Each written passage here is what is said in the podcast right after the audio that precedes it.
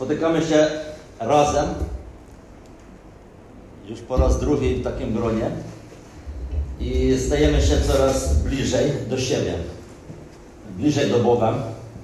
To się dzieje poprzez nauczanie zgodne z Ewangelią, jak już wspominaliśmy na początku. To nas buduje, to nas zachęca, to nas e, pociesza i jednoczy razem. Właśnie przez Ewangelię stajemy się taką społecznością, zborem, narodem Bożym i tak dalej. Coś podobnego dzieje się, gdy w miłej atmosferze wypijesz filiżankę dobrej kawy, na przykład. A gdyby, wyobraźcie to sobie, ktoś podał wam w jednym kubku kawę, a do niego wlał płyn do mycia naczyń. Co by się stało? Jak by to się smakowało? Proszę tylko zanadto nie wyobrażać. To tylko e, wyobrażenie. Tak samo z nauczaniem. Właściwe nauczanie, ono buduje, ono pociesza, a inne niszczy. To są różne rzeczy. Krótko powtórzę, tamtym razem, tydzień temu, zachęcaliśmy e, przez pierwszy list apostola Pawła, żeby przestudiować, przeczytać jego na naszych nabożeństwach. I jak już było powiedziano, list był napisany dla zachęty Tymoteusza do służby i zachowania wiary. Tymoteusz wtedy miał niecałych 30 lat, prawdopodobnie, ale mimo tego apostoł polecił mu zadanie budować kościół, a nawet całą misję ewangeliczną w dużym mieście, który nazywał się Efes. Miasto nasycone kulturą, nauką, religią. Od razu po przywitaniu na początku swojego listu Paweł przystępuje do przekazania Tymoteuszowi ważnych poleceń. Oprócz różnych wskazówek, których tam bardzo wiele w tym liście, co do zachęcania w życiu społecz społeczności, widocznie wyróżnia się główne zadanie. Nazwijmy, nazwijmy go tak pilnowanie nauczania. Otóż przeczytajmy y, od trzeciego, pierwszy list Tymoteusza, od trzeciego cały fragment do jedenastego fragmentu, do jedenastego wersetu. Gdy wybierałem się do Macedonii, prosiłem Cię, abyś pozostał w Efezie i polecił niektórym odstąpić od głoszenia innej nauki. Miałeś im nakazać, aby przestali zajmować się baśniami i niekończącymi się rodowodami, które częściej wywołują niepotrzebne dyskusje niż służą Bożemu porządkowi zbawienia. Ten bowiem opiera się na wierze. Natomiast celem tego nakazu jest miłość płynąca z czystego serca, dobrego sumienia i nieobłudnej wiary. Niektórzy rozminęli się z tym i skończyli na czczej paplaninie. Chcą być nauczycielami prawa, a nie rozumieją ani tego, co mówią, ani tego, przy czym tak stanowczo obstają. Prawo jest oczywiście dobrze, dobre, jeśli ktoś je właściwie stosuje, wiedząc, że jest ono ustawione nie dla sprawiedliwego, lecz dla nieprawych i nieposłusznych, bezbożnych i grzesznych, lekceważnych świętość i żyjących po świecku, dla ojcobójców, dla matkobójców, dla morderców, ludzi dopuszczających się nierządu, mężczyzn żyjących między sobą, handlarzy ludźmi, dla kłamców, krzywoprzysiężców i wszystkiego, co sprzeciwia się zdrowej nauce. Zgodnie z pełnej chwały dobrą nowiną wspaniałego Boga, którą, która została mi powierzona. Spójrzmy proszę na ten fragment i na jego strukturę, która składa się z czterech elementów. Trzeci werset opisuje okoliczności, w jakich Paweł dał rozporządzenie Tymoteuszowi. to nie była tylko prośba albo życzenia, to był konkretny rozkaz i ważna misja do spełnienia. W czwartym wersecie mówi, na czym polega same te jego polecenia. To znaczy, co konkretnie on ma zrobić. Ma zakazać nauczania. W piątym wersecie czytamy o sposobie, jakim należy korygować zaistniały problem z tym nauczaniem. Dalej, następne dwa wersety, 6 do 7, opisane są skutki złego nauczania i ich wpływ na samych nauczycieli. I ostatni taki duży fragment, wydzieliłem go tak odrębnie, od 8 do od 11 wersetu o właściwym użyciu prawa mojżeszowego. Zacznijmy od, otóż od e, trzeciego wersetu. Gdy wybierałem się do Macedonii, prosiłem Cię, abyś pozostał w Efezie i polecał niektórym odstąpić od głoszenia innej nauki. Na poprzednim naszym spotkaniu omawialiśmy, że Tymoteusz był postawiony przez apostola w mieście Efes, gdzie już istniało wiele grup domowych, a znaczy wiele nauczań. Nie mówiąc już o tym, że sporo wierzących w greckim mieście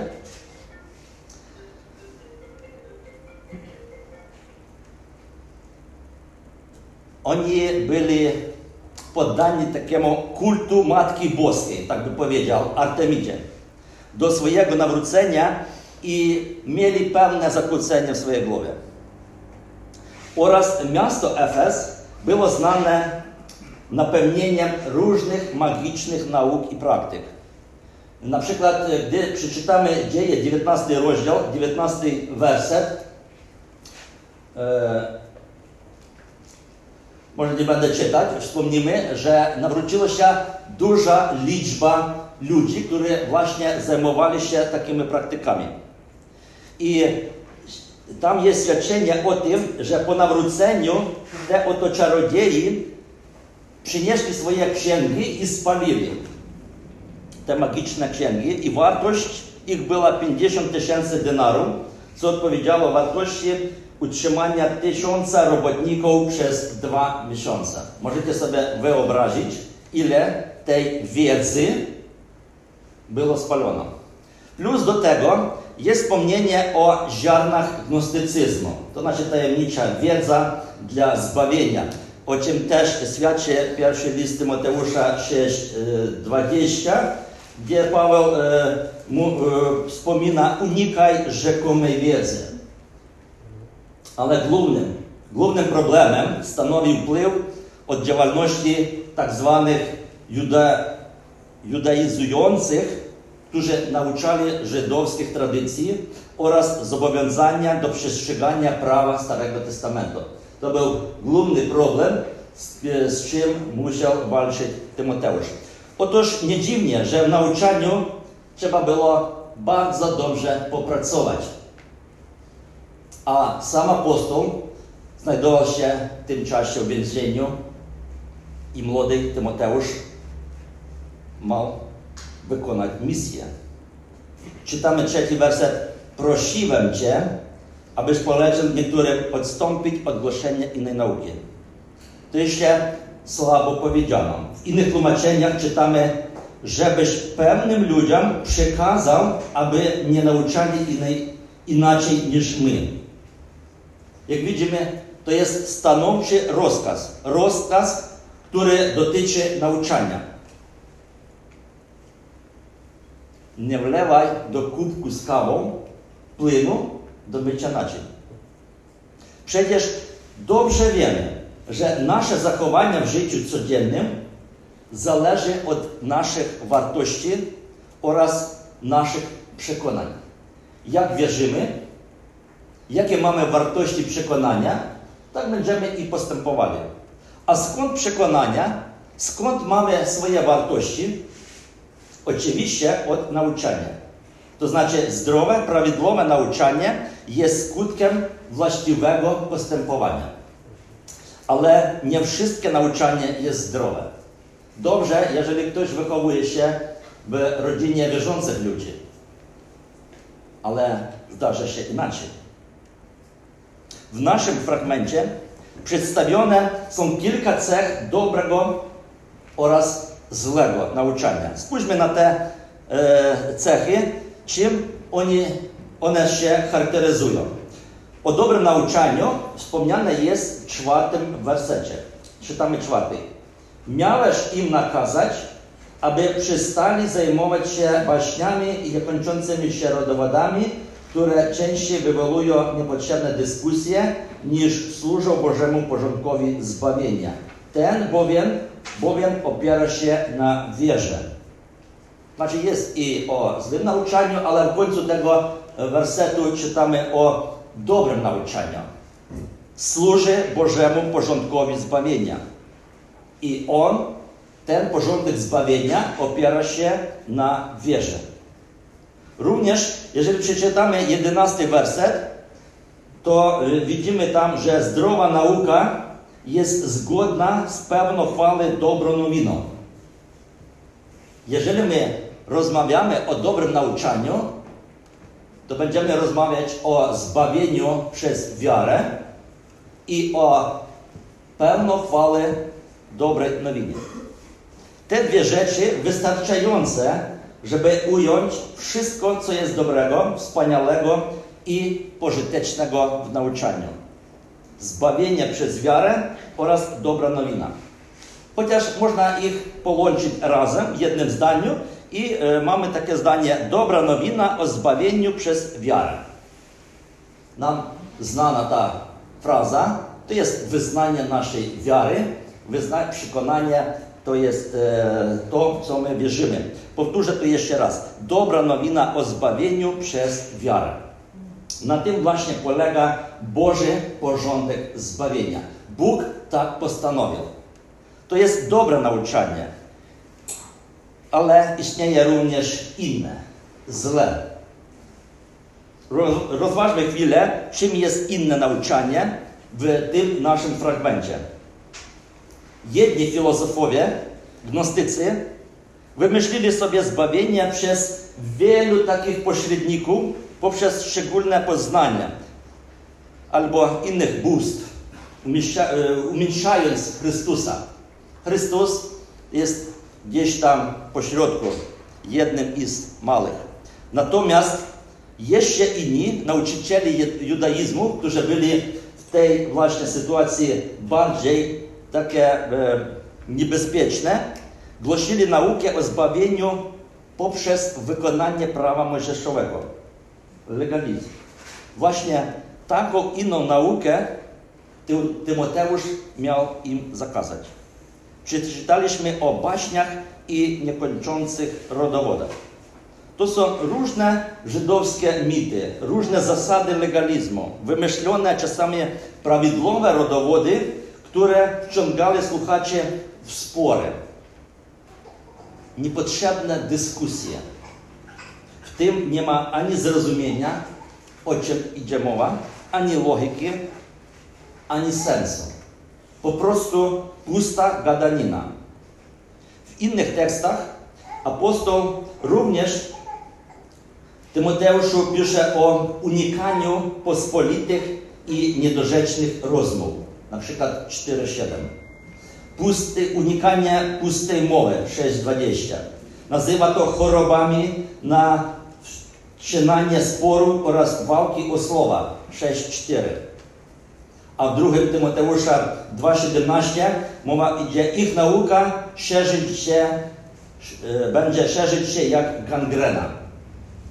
Oraz wiele innych ciekawych tekstów w tych listach możemy e, przeczytać o złym nauczaniu. O tym, co się działo wśród ludzi wierzących. Wcześniej już wspomniałem, że Bóg ma pełny porządek w zbawieniu jesteśmy zbawieni przez wiarę. Nie od pochodzenia dobrego, nie od tego, kto mnie narodził i skąd pochodzę, i nie przez dobre uczynki. Nasze liczne przewagi oraz bardzo wyśmienite pochodzenie nie zrobi z nas chrześcijan. nawet to, kim jest ojciec, czy babka, czy trzecim pokoleniu, nie sprawi, że stanę chrześcijaninem. Tylko wiara, osobista wiara w Jezusa Chrystusa. Przecież On umarł za moje grzechy. On dał mi zbawienie, On dał mi usprawiedliwienie. Wierzę w to, przyjmuję i w ten sposób z łaski Bożej jestem zbawiony. Czytamy Efezjan 2:8. Albowiem łaską jesteś, zbawieni jesteście przez wiarę. Apostoł Paweł akcentuje na tym. A również Rzymian 3:28. Oto co głosimy. Człowiek dostępuje usprawiedliwienia przez wiarę, niezależnie od tego, czy przestrzega prawa, czy nie. Niezależnie od tego, czy przestrzega prawa, czy nie. Przez wiarę dostępuje zbawienia. U innych nauczycieli był motyw w nauczaniu. Oni chcą być nauczycielami prawa. I, i, oni tak chcieli. Wśród Żydów oraz w tych środowiskach to było chyba popularne. Spójrzmy proszę na wersety 5 i od 5 do 7. Natomiast celem tego nakazu jest miłość płynąca z czystego serca, dobrego sumienia i nieobłudnej wiary. Niektórzy rozminęli się z tym i skończyli na czczej paplaninie. Chcą być nauczycielami prawa, a nie rozumieją ani tego, co mówią, ani tego, przy, przy czym tak stanowczo odstają. Ten, kto naucza, to znaczy bierze na siebie zobowiązania do przekazania prawidłowej nauki, musi spełnić przynajmniej kilka warunków. Przede wszystkim sam osobiście musi należeć Chrystusowi oraz postępować zgodnie z Jego nauczaniem. Jak można nauczać te, czego nie rozumiesz? W co nie jesteś zaangażowany? Po drugie, dalej czytamy o miłości, czystym sercu, dobrym sumieniu, niebludnej wierze. Dla mnie to oznacza, że ten nauczyciel, konkretny nauczyciel, który próbuje e, nauczać mnie, on jest znany. Znana jego rodzina, znane jego zachowanie. Ja znam jego osobiste życie, jego relacje. Nie jakiś tam popularny kaznodzieja z telewizji czy internetu, ale żywy naśladowca Pana Jezusa Chrystusa. Właśnie ten nauczyciel będzie przynosić słowa, które będą padali prosto do mojego serca. W szóstym wersecie my czytamy, że w przeciwnym wypadku, to znaczy, gdy jego słowa i postępowania rozchodzą się, a tak często się zdarza, to zamiast nauczania, które buduje, pociesza i zachęca, będą po prostu słowa, informacja, wiedza, jak Paweł pisze, paplanina. Tacy mówcy, w siódmym wersecie czytamy, jak tak naprawdę sami nie rozumieją i nie stosują. Nieraz widziałem takich mówców, nie chcę powiedzieć kaznodzieje nawet, ponieważ jego życie, a dobrze znam tego, znałem tego człowieka, to jest coś absolutnie inaczej niż to, co on mówi w kazalnicy. Oni tylko krasnomównie wypowiadają, znaczy ogłaszają puste słowa. Jaki sens w tym? Chociaż często piękne i elokwentne. Drugim Tymoteusza, nasz dzisiaj popularny drugi Tymoteusza, szczególnie czwarty rozdział i trzeci, czwarty werset był przeczytany na początku, gdyż przyjdzie czas, że, przez, że przestaną tolerować zdrową naukę, a skłonni do słuchania tego, co odpowiada ich upodobaniom. Otoczy się nauczycielami przyklaskującymi ich własnym rządzom. Czyniąc to, odwrócę się od słuchania prawdy i zwrócę się ku baśniom. Przyjdzie czas i czasami żyjemy właśnie w takim czasie. Nie mówię o wszystkich, ale czasami się zdarza. W przeczytanym fragmencie widzimy jeszcze ostatnią część o właściwym stosowaniu prawa. To znaczy Bożego prawa zapisanego w Piśmie Świętym. Czytamy o tym e, ósmy werset i e, dalej e, do końca. Dla ludzi sprawiedliwych, żyjących bogobojnie i dążących do świętości, prawo nie jest potrzebne. Prawo jest oczywiście dobrze, jeśli ktoś je właściwie stosuje.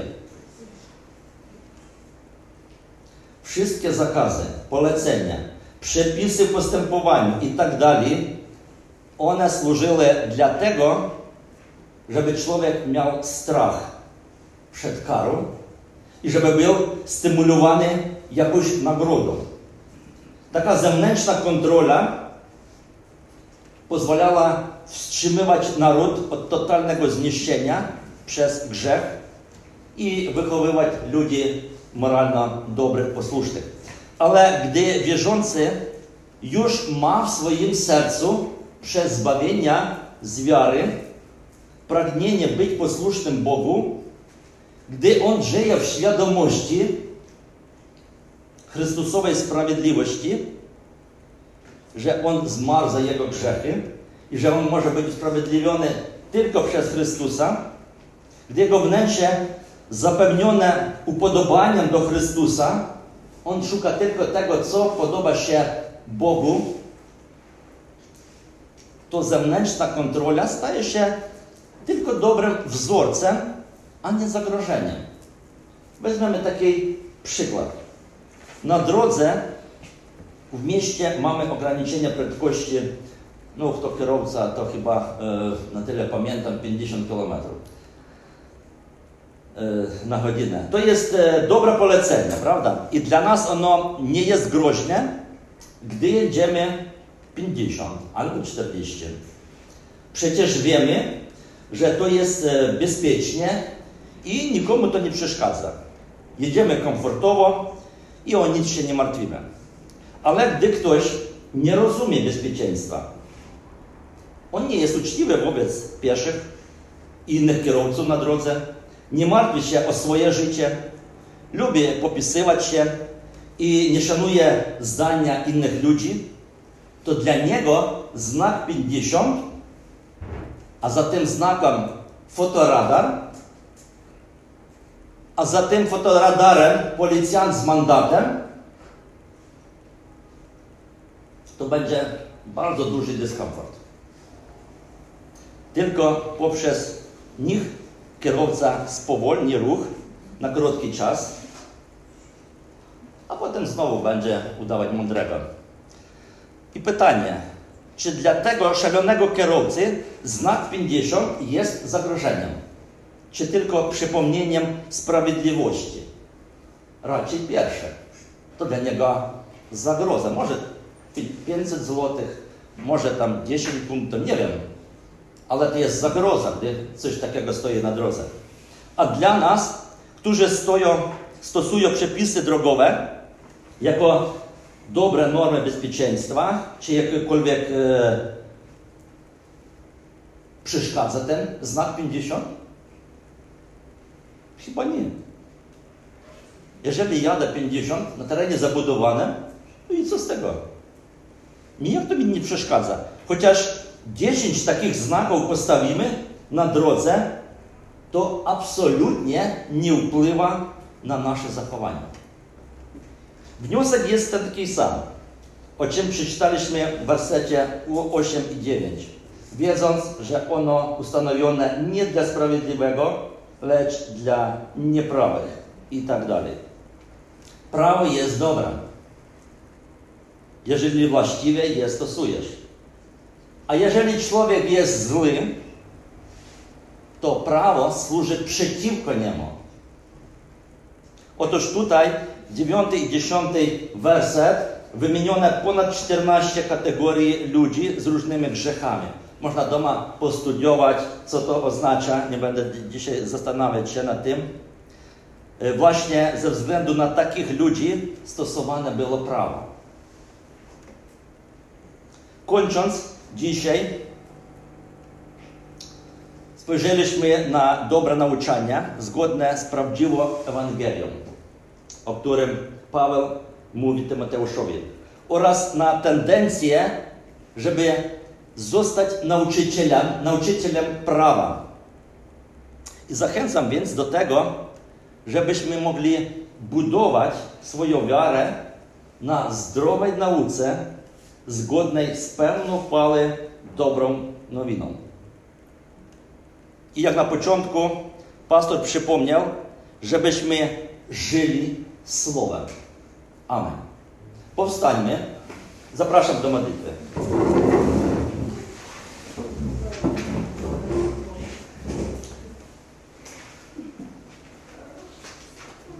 Panie Boże, jesteśmy bardzo wdzięczni Tobie za Twoje słowo przekazane nam i dzisiaj mamy w tym tłumaczeniu, które nam jest dostępne. Możemy z niego pouczać się, możemy budować się, Ty nas pocieszasz i zachęcasz. Dziękujemy Tobie, że mamy dobrych nauczycieli. Dziękujemy Tobie, że Ty pokazujesz nam różne niebezpieczeństwa w życiu. Proszę, żebyś Ty mógł nam pomagać w tym orientować się. Pobłogosław nas i dzisiaj, i całe nasze życie, i nasze rodziny. Niech będzie imię Twoje pochwalone. Amen.